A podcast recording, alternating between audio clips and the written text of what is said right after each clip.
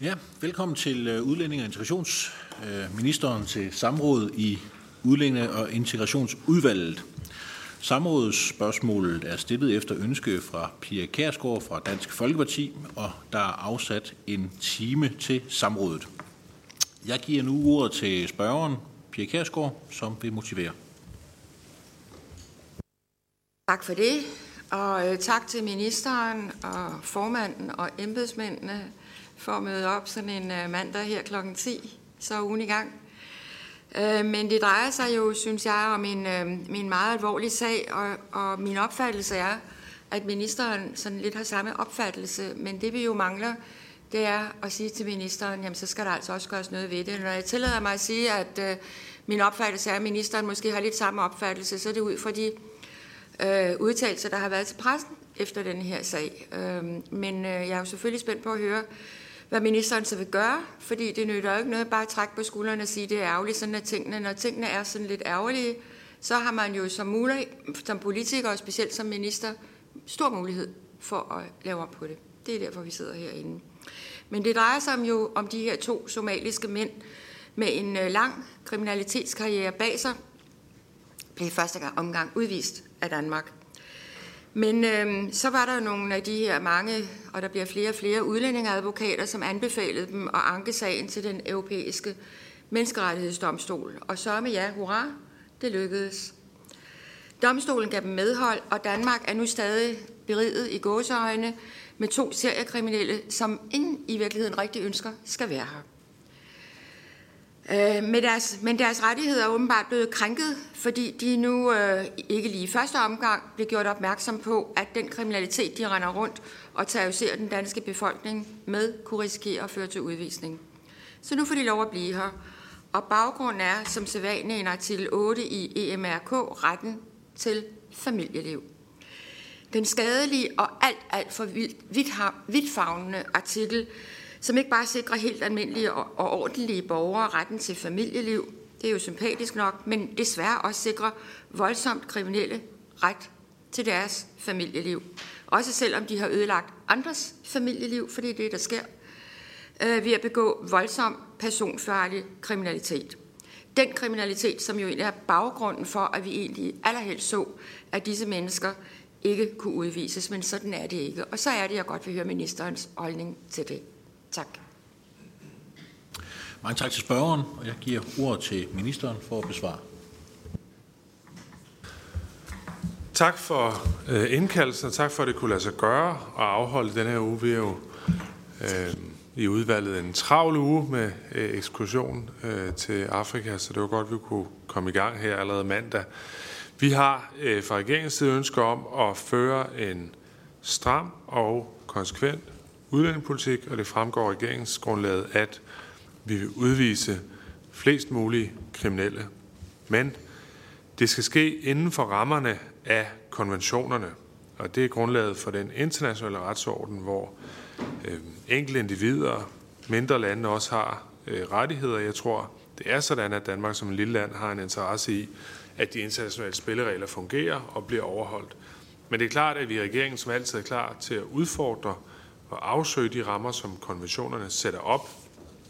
Som det fremgår i regeringsgrundlaget, vil regeringen udnævne en ambassadør, der skal sikre, at Danmarks, Danmark engagerer sig mere i arbejdet med konventionerne, herunder hvordan de anvendes og hvordan de fortolkes. Derudover vil vi i gang sætte en grundig udredning af Danmarks forpligtelser og muligheder i forbindelse med den europæiske menneskerettighedskonvention og afgørelser fra den europæiske menneskerettighedsdomstol. Hvad angår de konkrete sager, som der bliver spurgt til, så øh, er det ærgerligt, Øh, at menneskerettighedsdomstolen har truffet de to afgørelser, som går Danmark øh, imod. Øh, det er vigtigt at holde sig for øje, at det er afgørelser, som er konkret begrundet. Når det er sagt, så skal vi selvfølgelig tage dommene til efterretning. Det er et udtryk for, hvor grænsen for udvisning af kriminelle går, og den, bety- og den betydning, som længden af et indrejseforbud kan have i den vurdering. Udlænding- og Integrationsministeriet er derfor i dialog med de relevante myndigheder om, hvad der skal ske i forhold til de konkrete sager, og deres generelle betydning for fremtidige udvisningssager, der skal behandles af danske domstole. Udlændingelovens regler om udvisning af kriminelle udlændinge er jo de seneste år under skiftende regeringer med opbakning fra blandt andet også Dansk Folkeparti blevet skærpet gentagende gange. Skærpelserne er gennemført med henblik på at opfylde politisk ønske om at gå helt til grænsen af vores internationale forpligtelser, når det gælder om udvisning på baggrund af alvorlig kriminalitet. Når Folketinget vælger den fremgangsmåde, kan der i sagens natur opstå sager, hvor domstolene kommer til at gå over stregen. Og det er to af de sager, som spørgeren peger på, netop øh, eksempler på. Afslutningsvis så ønsker jeg at gøre det klart, at det er regeringens opfattelse, at hverken en genforhandling af den europæiske menneskerettighedskonvention eller at træde ud af konventionen er nogen løsning på de udfordringer, vi oplever med konventionen.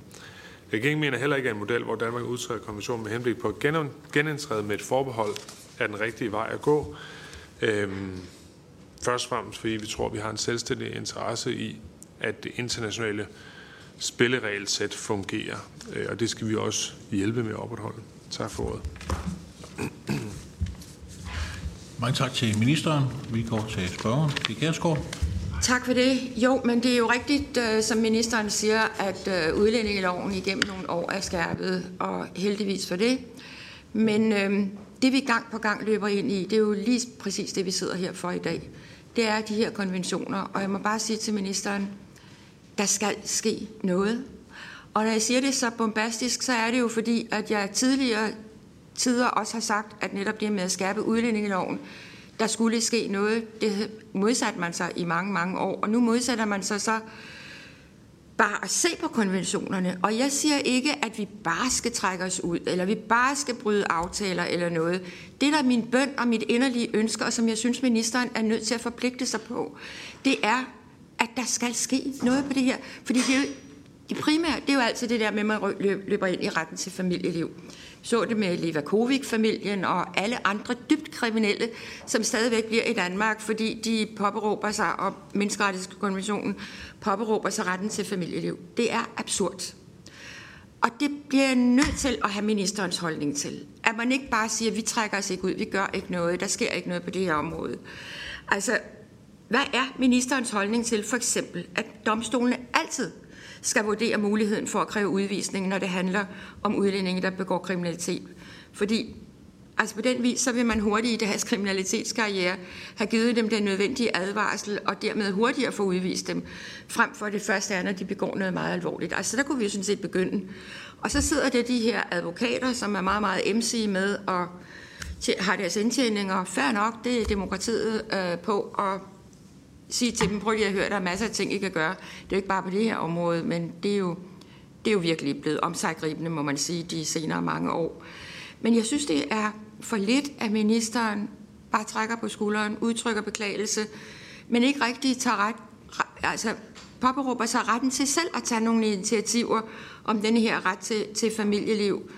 Altså det, jeg, jeg forstår simpelthen ikke, at regeringen ikke siger, jo det siger regeringen, at det her virker også højst besynderligt, og det er rigtigt, og det er ærgerligt, tror jeg nok, ministeren sagde. Jeg synes, det er meget mere end ærgerligt. Men, men, øhm, men under alle omstændigheder kan vi ikke komme i gang. Og minister, min, min, min bøn er faktisk, og jeg mener det er meget, meget alvorligt, at, øhm, at det dur ikke at blive ved med det her.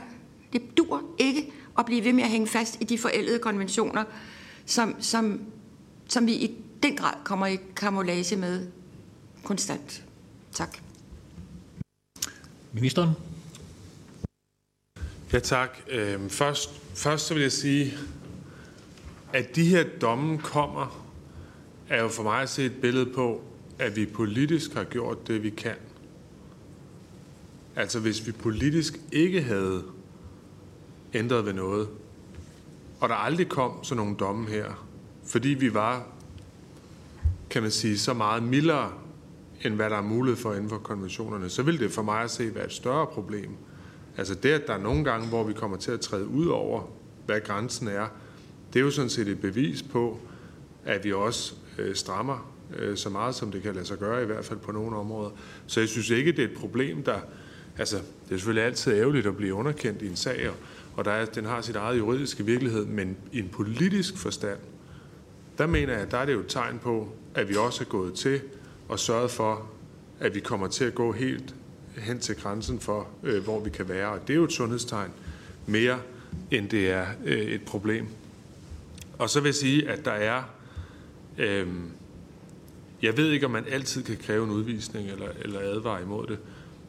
Øh, det er Justitsministeriet, som har øh, kompetencen på det, men vi har haft diskussionerne før, Og det, som nogle gange i hvert fald øh, er problemet, kan man sige, det er, hvor mange ressourcer vil man bruge på hver ekstra udvisning? Det er jo det, der er diskussionen. Altså, hvis det koster 100 millioner for hver ekstra udvisning, er det så det værd? Det er jo værd at diskutere. Og det spørgsmål, der handler om, hvordan vores retssystem fungerer, hvor mange mennesker øh, flere kan man få udvist, hvis man eksempelvis hver gang skal løfte sager, hver gang skal igennem ekstra procedurer. Det er vi jo nødt til at kigge på. Der kan man jo ikke sidde og rynke på brynene, som spørgeren gør nu, og så sige, at det må man bare gøre uanset hvad. Øh, fordi der er selvfølgelig en grænse for, hvor mange jurister der er i det her land, hvor mange mennesker, der kan løfte de her sager, uanset at man fra Dansk Folkeparti's side øh, ønsker, øh, at man, skal, at man skal bruge alle de ressourcer, som er til rådighed på lige præcis den her sag. Så der er altid en afvejning over for et ressourcespørgsmål i forhold til, øh, hvor mange øh, flere man kan få øh, udvist. Men der er ingen tvivl om, og det er jo det, der bliver spurgt til i forhold til min stillingtagen, at jeg synes, at vi skal sørge for at udvise så mange som muligt, der begår grov kriminalitet. Og jeg er da ligesom Dansk Folkeparti, ligesom størstedelen af Folketinget, ærgerlig over, når vi ser, at det ikke sker. Øhm, men det er ikke altid den lige vej, der er den hurtigste. Og når man eksempelvis for noget tid siden lavede man en ændring, hvor man sagde, at man behøvede ikke, eller at, at man gav nogle kortere, øh, altså man udelukkede folk i kortere tid fra genindrejse i Danmark. Det kan jo være en måde på at rent faktisk få eksekveret de domme ved at sikre, øh, at de også øh, er inden for rammerne af konventionerne, sådan så man får folk udvist. Hvor alternativet, hvis man gav dem nogle meget lange øh, hvad hedder det, øh, frist, indrejseforbud, ja, det er det, det hedder formelt set. Gav en meget lang indrejseforbud, så vil man stå i en situation, hvor at, øh, hvor at man vil risikere at blive underkendt. Øh, og der kan det jo være den måde, man får flere udvist på, at det så er noget kortere indrejseforbud. Jeg synes ikke, det er så sort-hvidt, som det nogle gange bliver stillet op fra Dansk Folkeparti's side. Ja, tak. Jo, men øh, det er da fint, at øh, som ministeren siger, vi går til grænsen. Og så er der, som i det her tilfælde, så viser det sig, at øh, jamen det har man gjort, og så er grænsen lukket. Så er det mit bud, at så flytter man den grænse. Øh, og jeg forlanger ikke, at øh, ministeren sådan øh, lige nu skal, som jeg sagde, træde ud af en konvention eller et eller andet. Det jeg godt kunne tænke mig, det er, at man arbejder på det, som man arbejder på så mange andre ting, og siger til samarbejdspartnere, man har rundt omkring, det her det dur simpelthen ikke, fordi vi er dybt tynget af det her.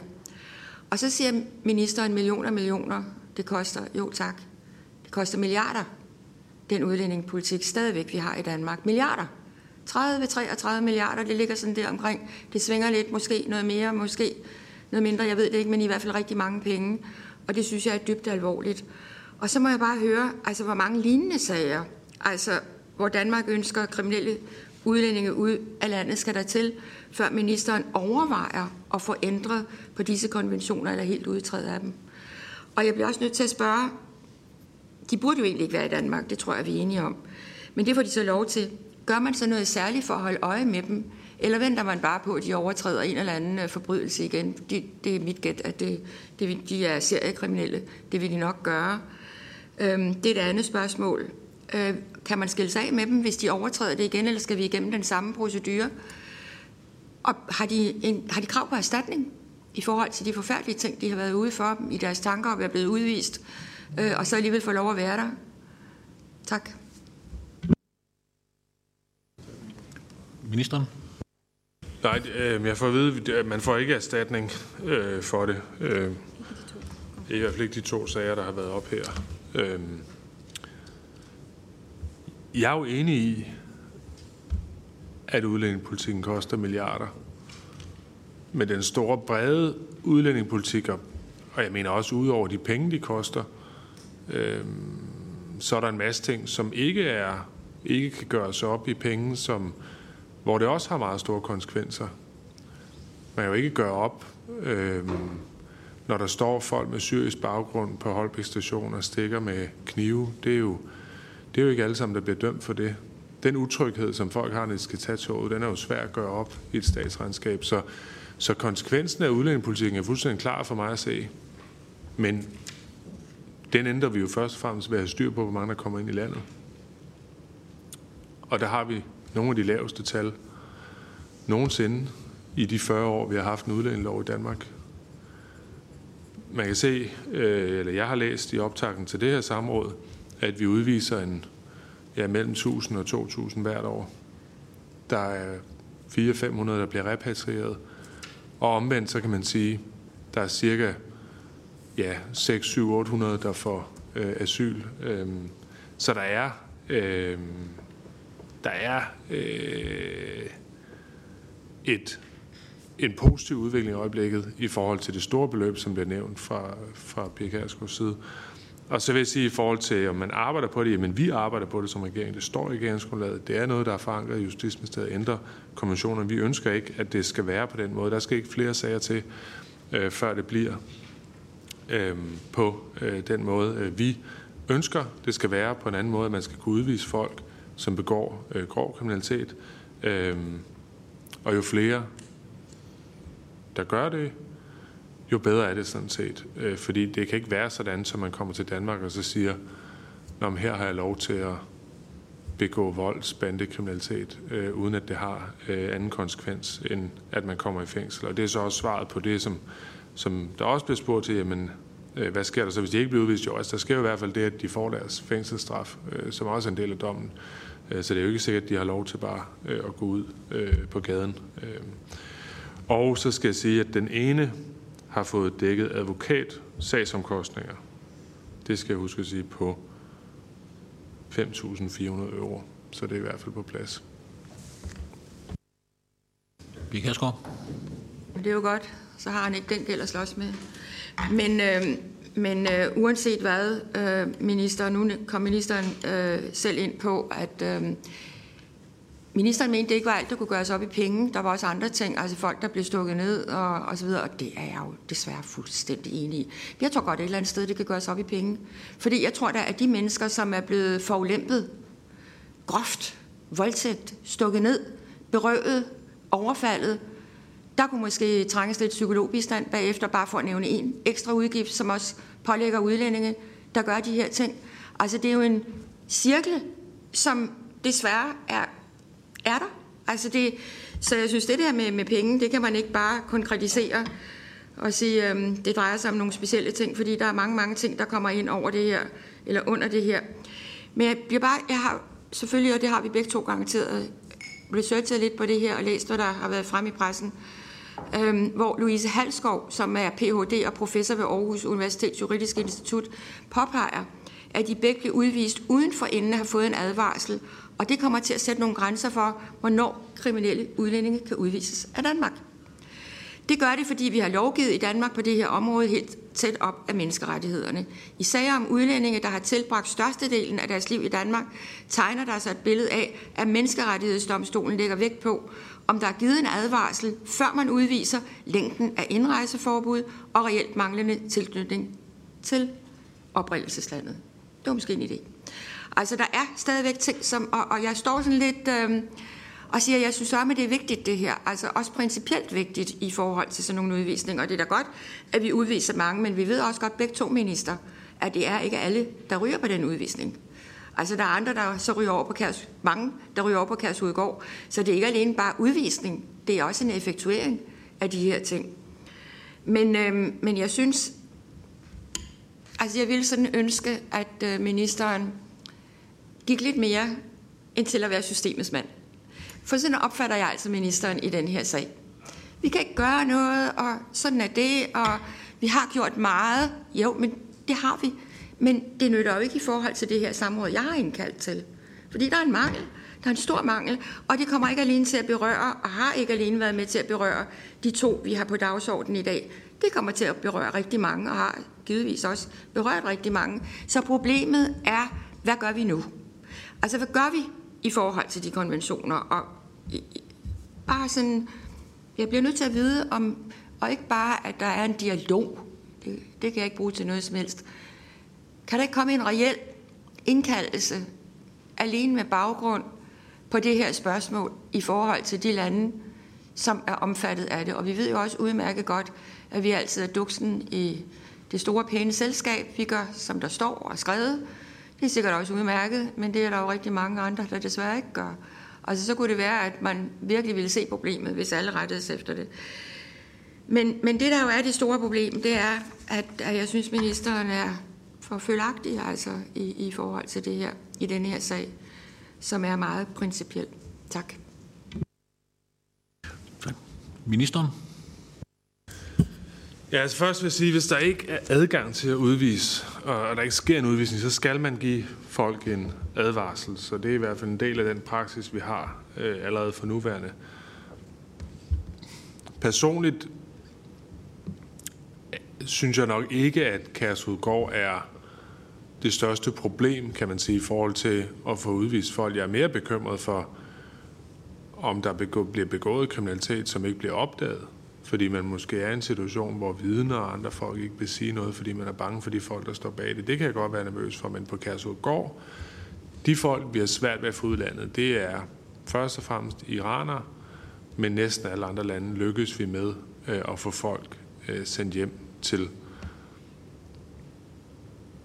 Og jeg kan godt forstå, at det er et retorisk greb at sige, at jeg er systemets mand, men jeg synes sådan set, at når man ser på det system, vi har fået opbygget i Danmark, at så har vi meget at være stolte af, og jeg vil ikke selv sidde og tage æren for det, fordi det er jo en proces, som har været i gang i mange år, også med P. medvirkning. Men vi har et system nu, hvor vi udviser folk, der ikke har lovlig ophold i Danmark. Der er ingen andre lande i Europa, jeg kender til i hvert fald, som er lige så effektive til det, som vi er. I Tyskland har man 300.000, der ikke har lovlig ophold. I Danmark har vi 500. I Sverige har man 30.000. Svenskerne er i gang med at lave præcis den model, som vi har. Øhm, bare i deres øh, størrelsesorden. Så øh, når der bliver sagt systemets mand, så synes jeg jo, øh, at det positive det er, at systemet er jo lavet på en måde, hvor vi lykkes med meget mere end tidligere at have kontrol over udlændingepolitikken. Hvor mange der kommer, hvor mange der kommer ud, som ikke har lov at være her.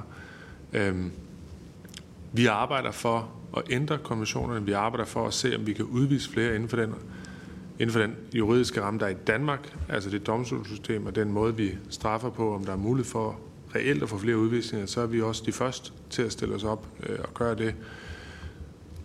Men det er lange processer i forhold til at ændre konventioner. Det er ikke noget, der sker hurtigt eller øh, nemt. Det er noget, der kommer til at tage lang tid, og det synes jeg, det kan jeg jo lige så godt være ærlig om, i stedet for at sidde og foregøjle, at om et halvt år, så er det på plads. Det tror jeg ikke på. Øh, det kommer til at tage noget tid, men det ændrer ikke ved, at indtil da skal vi selvfølgelig gå til grænsen af, øh, hvad øh, vi har lov til, for at sikre, at, at så mange af dem, som laver grov kriminalitet nu, en af dem, som var med i den her sag, er jo en, der altså tidligere var dømt for voldtægt. Altså det er jo meget, meget alvorlig kriminalitet, må man sige. Smadrer folks liv.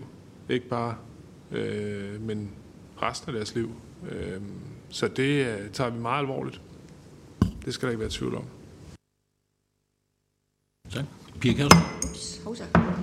Nå. Sorry. Og heldigvis bare skal, skal de lige have tid til lige at få styr tak, på... Tak skal du have. Så, tak, tak. Så. Øhm, jo, men øhm, det ligger garanteret i systemet, øh, og, og jeg har givetvis også fået det sendt over, men måske kunne jeg lige for at få det konkretiseret, få det igen. Altså lovligt ophold, det kan jo godt være lidt svært, fordi jeg tror der på, minister, og det tror jeg også, ministeren tror på, at der nok er nogen, som øh, ikke har lovligt ophold, og som vi ikke rigtig ved, hvem er. Altså, det, det er der, i, også, også i Danmark. Vi er jo mere, øh, altså vi har meget mere system over tingene, end mange andre lande har, men, men alligevel vil jeg våge den påstand, at der er en del, øh, som, vi, som ikke har lovligt ophold, og som vi ikke har helt styr på. Men under andre omstændigheder, så kunne jeg godt tænke mig at vide, nu synes jeg næsten, det var ros til Kærshovedgård, sådan tror jeg ikke, øh, ministeren mente det, men jeg opfattede det lidt. Det tror jeg ikke, beboerne omkring Kærsudgård vil være glade for. Men, men øh, der ligger helt sikkert opgørelser på, hvad er det for nationaliteter? Det er jo flere end iranere. Hvad er det for nationaliteter? Hvor mange helt præcist har fået udvisningsdom? Hvor mange er udvist? Det vil jeg godt bede om øh, embedsmændene er rare at komme med nogle helt klare skriftlige øh, øh ting tilbage til udvalget om, eller til mig, jeg vil til udvalget. Øh, og så kunne jeg godt tænke mig at høre, om man ved, hvor mange domme de to afghanere, som de her har fået, øh, som gjorde, at de blev udvist de næste 12 år. Har man en, en opgørelse på det? Øh, det er jo voldsomt, altså at blive udvist i så lang tid, og så alligevel få lov at blive her. Altså det er da så absurd, totalt absurd. Og så kan de ved med at blive voldtaget, og, og jeg ved ikke hvad. De holder ikke op. De bliver ikke de pæne drenge, det vil jeg godt vide på. Og igen, jeg tror ikke, jeg fik svar på, om der bliver holdt øje med dem, eller om de bare vandrer ud i samfundet igen og er frie, glade mennesker og formentlig lever på kontanthjælp. Tak. Ministeren. Ja, jeg er ikke 100% inde i, hvor meget øh, eller hvor lange fængselsstraf de har fået, men jeg går ud fra, at de også har fået en fængselsstraf øh, som følge af det. Øh, og i forhold til øh, lovligt ophold, altså ja, jeg er enig i, at der er selvfølgelig mennesker i Danmark, som lever helt under radaren, og som vi ikke øh, har noget kontrol med. Men Danmark er et sværere land at leve på den måde i, end mange andre lande er. Det, de tal, som jeg refererede, var folk, der ikke har lov til at være i et land, altså afvist asylansøger, udvisningsdømt, tålophold, hvad man kan forestille sig, men som alligevel er der. Og der har man i vores nabolande nogle, nogle helt, helt andre tal. Og selvom jeg selvfølgelig er enig med, øh, med øh, Pia Kærsgaard i, at øh, det er overhovedet ikke sjovt at være nabo til Kærsudgård, og der er udfordringer der, som man ikke skal lave sjov med eller, eller negligere, så ændrer det ikke ved, at systemet som helhed er velfungerende. At vi lykkes med at sende folk ud af landet, fordi vi har opbygget det her system. Og hvis man ser på, hvem det er, der bor på Kærsudgård lige nu, så er vi cirka halvt belagt i forhold til kapaciteten. Øh, og af dem, som er der, er det cirka halvdelen, som er øh, udvisningsdømte. Så er der en mindre gruppe af øh, folk, der er på tålophold, og så er der øh, for de resterende afviste asylansøgere. Det er selvfølgelig, som, som Pia Kærsgaard ud, øh, udmærket ved, øh, enlige øh, øh, primært mænd, øh, som, som øh, bor der, hvorimod familierne selvfølgelig er på, på Avnstrup. Øh, så for at svare på det, så, så ja, der er folk, det ved vi, der lever ulovligt i Danmark, men når man ser på det antal, vi anerkender, der er her, så er det meget lavere, og som ikke har taget sted, men som ikke har lov til at være her, men, men som vi ved er i landet, så er det cirka 500 mennesker. Kærsugård og Avnstrup er selvfølgelig primært de steder, de bor. Og det er meget, meget lavere øh, næsten alle andre lande i Europa. Øh, og der er mange, der kommer til Danmark for at sige, hvordan er I lykkes med øh, at få lavet den her model, øh, hvor der er så mange, der tager hjem i forhold til, hvad vi øh, ser i vores egen lande. Spørgen? Nej, systemet er ikke velfungerende. Systemet er ikke velfungerende. Man bliver anbragt på Kærshovedgård, men man har ret til udgang. Eksempelvis, det er ikke velfungerende. Min holdning er, at hvis man kommer på Kærshovedgård, øh, ikke kan sendes tilbage, jamen så er det bag lås og slå. Men øh, der har vi også lige det der problem med konventionerne. Igen, igen, igen. Øh, så der er rigtig meget at tage fat på, minister. Og jeg ved udmærket godt, at man ikke kan lave det her om i løbet af et halvt år. Men hvis vi nu sidder her igen om fem år med det samme problem, så kunne det måske være velgørende, at ministeren sagde, jamen, jeg prøver at se, hvad jeg kan gøre på det her. Prøv at høre, hvad andre, hvad andre landes holdning er til det her. Øhm, som måske for vores nabolande samme holdning. Altså, det er da fint, at der sker noget i Sverige, og jeg har tidligere sagt, ellers må vi sætte en klap i Øresundsbroen. Det er en virkelig en overvejelse, synes jeg. Fordi vi bliver tynget af det problem, øh, hvis øh, Sverige fortsætter på den måde, som, øh, som de har gjort hidtil. Men, øh, men uanset hvad, så altså det, der egentlig ligger bag mit samråd, det er ikke alene i forhold til de to her, som jeg synes er frygteligt, at de får lov at blive her, men også, hvad gør vi fremover? Altså en mere langsigtet løsning, hvor ministeren siger, jeg ved godt, det, og det er jeg enig i, det er et tungt system. Det kan jeg ikke lade sig gøre i løbet af et halvt år. Men jeg har bare ikke lyst til, hvis jeg sidder her om fem år, og så vil hvis, jamen det kan jeg ikke lige, fordi det tager et halvt år. Nej, men hvis man begynder nu, så kunne det være, at verden ser anderledes ud om fem år. Og så ville vi i hvert fald redde nogle mennesker fra alt det frygtelige, som mange mennesker bliver udsat for, fordi der er kriminelle udlændinge i Danmark. Så ser ikke kriminelle som de her.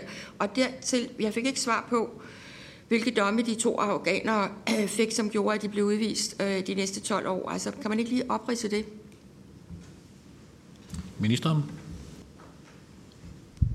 Jo, altså den ene, han fik øh, et år og tre måneders fængsel for narkokriminalitet. 15,7 kilo cannabis med henblik på videre salg. Øhm, og blev så udvist med indrejseforbud 12 år. Og den anden, det er to et halvt års fængsel, hovedsageligt for våbenbesiddelse. Også øh, indrejseforbud i, øh, i 12 år. Han har så tidligere også været straffet, det har de begge to sådan set. Øhm, så det er, øh, det er der, vi er med det. Øhm, og øh, i forhold til, om systemet er velfungerende, det er et system, og så kan man synes, at, at øh, det stadig ikke er godt nok, men det er et system, som, når jeg snakker med mine kollegaer i europæiske lande, der minder om os, Sverige, Norge, Holland, Tyskland, Frankrig, Belgien, Østrig, hvor det ellers er, så siger de, hvordan, hvordan har I så lave tal? Altså, hvordan kan I være under 500 i det samlede tal med både afviste asylansøgere og udvisningsdømte og tåleophold, hvad der ellers er. Og det er der ingen andre, der lykkes med. Og så kan det godt være, at der er andre steder i verden, det, det tror jeg, der er, hvor man er bedre til at udvise folk, der ikke har lovlig ophold. Det, det kan jo både være folk, der måske ikke har den samme demokratiske tradition, som, som vi har i Danmark, men det kan også være lande, som er demokratiske, som bare i højere grad måske øh, ser stort på Øh, nogle af de her forpligtelser. Men jeg kender ikke nogen EU-lande, som, øh, som øh, gør det, eller i hvert fald ikke nogen lande i vores ende af Europa, der gør det. Jeg tror, Malta har en praksis med øh, at spære folk inde, der er i udsendelsesposition, men det, det, det er kun noget, jeg har hørt fra dem. Det er ikke noget, jeg har fået tjekket efter selv. Men det mener vi klart ikke, at man kan gøre, og det er jo derfor, Kærsudgård er øh, et åbent sted. Øh, det er fordi, at, øh, at vi ikke kan spære folk ind på samme måde, som hvis det var et fængsel. Jeg tillader mig lige at stille spørgsmål også. Ja. Øhm, for sådan en generel interesse for øh, artikel 8 og øh, stykke 2, så kunne jeg tænke mig at høre, om ministeren har indtryk af, hvad der skal til, for at øh, stykke 2 på artikel 8 kommer i brug. Altså den her med, at man er til fare for staten eller for samfundet og borgerne generelt. Øh, for vi ser jo den ene øh, person her, som du nævner, han er dømt for våbenbesiddelse med, formål, med det formål, at han vil sælge de her våben videre. Der er en baserende bandekrig. Derudover så kan vi jo tage sager som for eksempel øh, Omar El Hussein. Han lykkedes jo kun med sin udåde på grund af, at han kunne modtage våben fra illegale våbenhandlere. Øh, så må jeg jo spørge, øh, den her stykke 2, når det siger, at man skal være til fare for staten eller samfundet eller borgernes sikkerhed, vil det så sige, at øh, den europæiske menneskerettighedskonvention sådan set siger, at det kun er et tilfælde af, at man har begået terror eller espionage mod staten, at man øh, vil være til fare, eller er det også, når man begår øh, meget grov kriminalitet? For øh, det er jo et, øh, et spørgsmål, som står relativt åbent her. Det er jo, at de her to mennesker, de har begået alvorlig og grov kriminalitet, der kan medføre stor personskade på andre mennesker.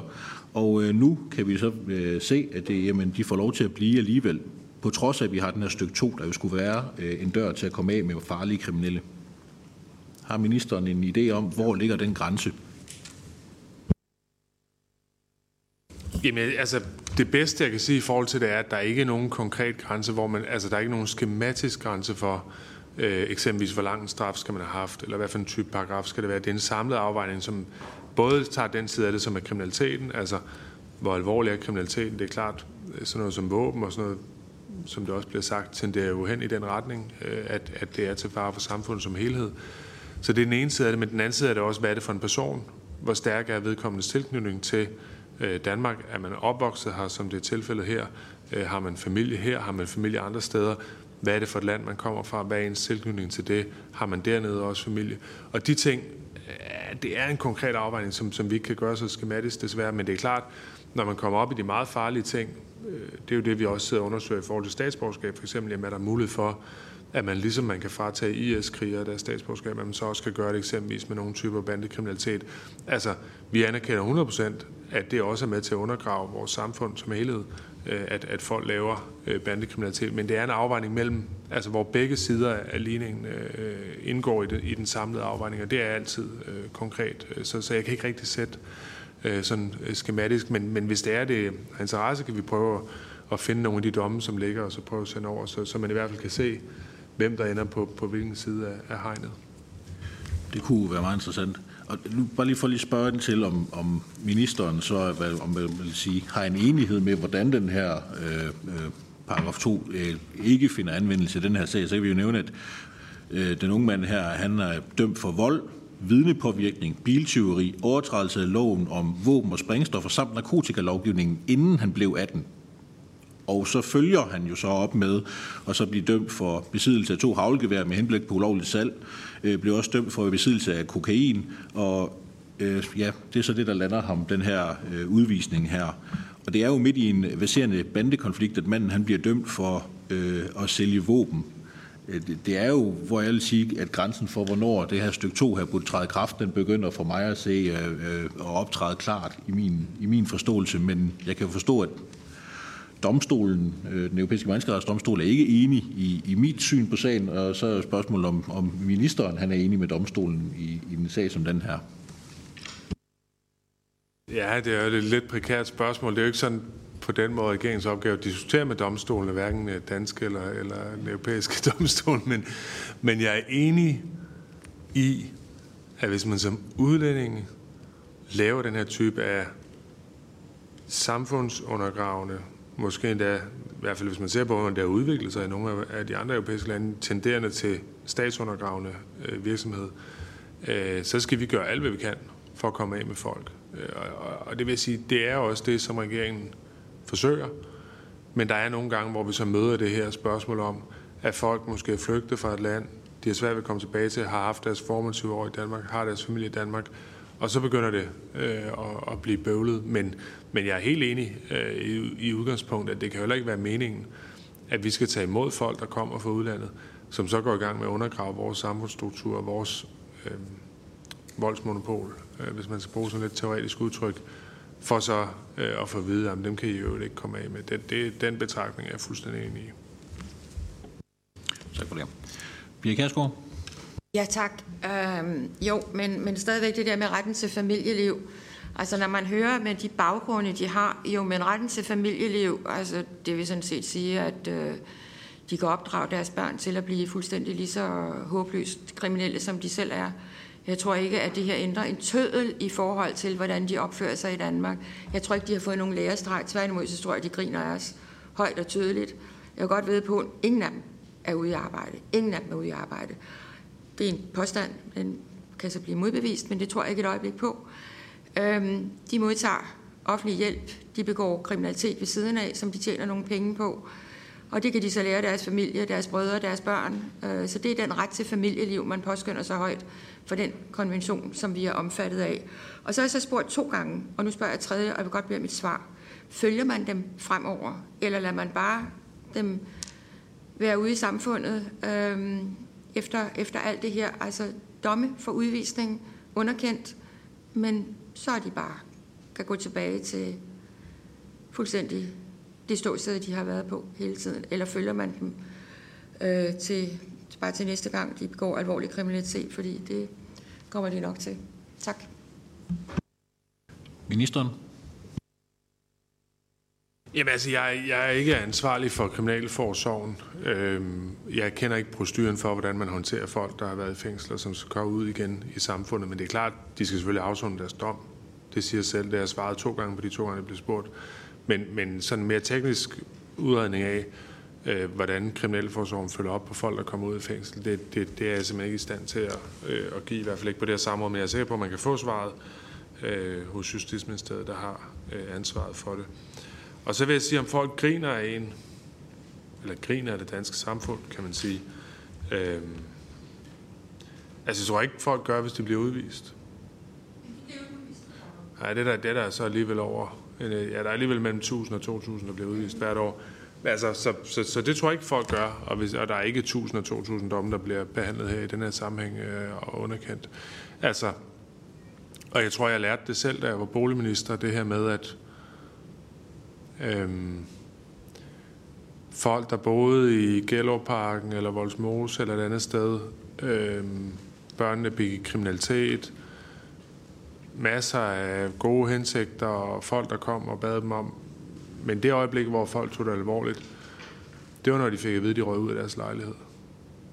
Så var det alvor. Så stoppede alt det der dialog, som havde været, og så forstod folk godt, at så skulle deres børn begynde at opføre sig ordentligt. Øhm, og det er jo ikke sikkert, det er præcis det samme at blive udvist eller blive smidt ud af en lejlighed, som det er at blive smidt ud af et land. Men ikke desto mindre, så er det i hvert fald noget, som var en øjenåbner for mig. At man kunne gøre alle mulige ting og lave strafsystemer og økonomiske ting og fratage dem det ene og den anden ydelse. Men det, der betød noget, det var, om man kunne få lov til at blive boende i sin lejlighed. Øh, og det er i hvert fald en betragtning, som jeg har taget mig med ind i det her job også. At, det, øh, at så griner folk i hvert fald ikke længere af det, når det kommer dertil. Tak. Pia Kærsgaard. Nu svarer ministeren på, at den ene havde fået erstatning. Hvad med den anden? Har man ikke ret til erstatning, når man har været udsat for en øh, så uretfærdig behandling, som, øh, som de til synligheden mener selv, de har ved først at få en udvisning, og så, så blive, øh, så blive øh, øh, efterfulgt af, at øh, det skal de ikke alligevel? Ministeren. Altså, der er ingen af dem, der har fået erstatning for, altså på samme måde, som man ville få erstatning, hvis man var dømt for noget, eller havde været varetægtsfængslet og så blev frikendt. Det er ikke den type stand. Der har været øh, sagsomkostninger for den ene af dem, som er blevet øh, udbetalt.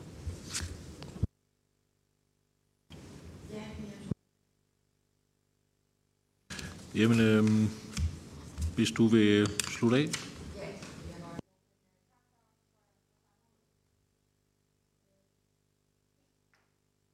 Tak for samrådet. Øhm, jeg vil bare bede ministeren i sit lønkammer alvorligt øh, overveje, hvad vi gør fremover.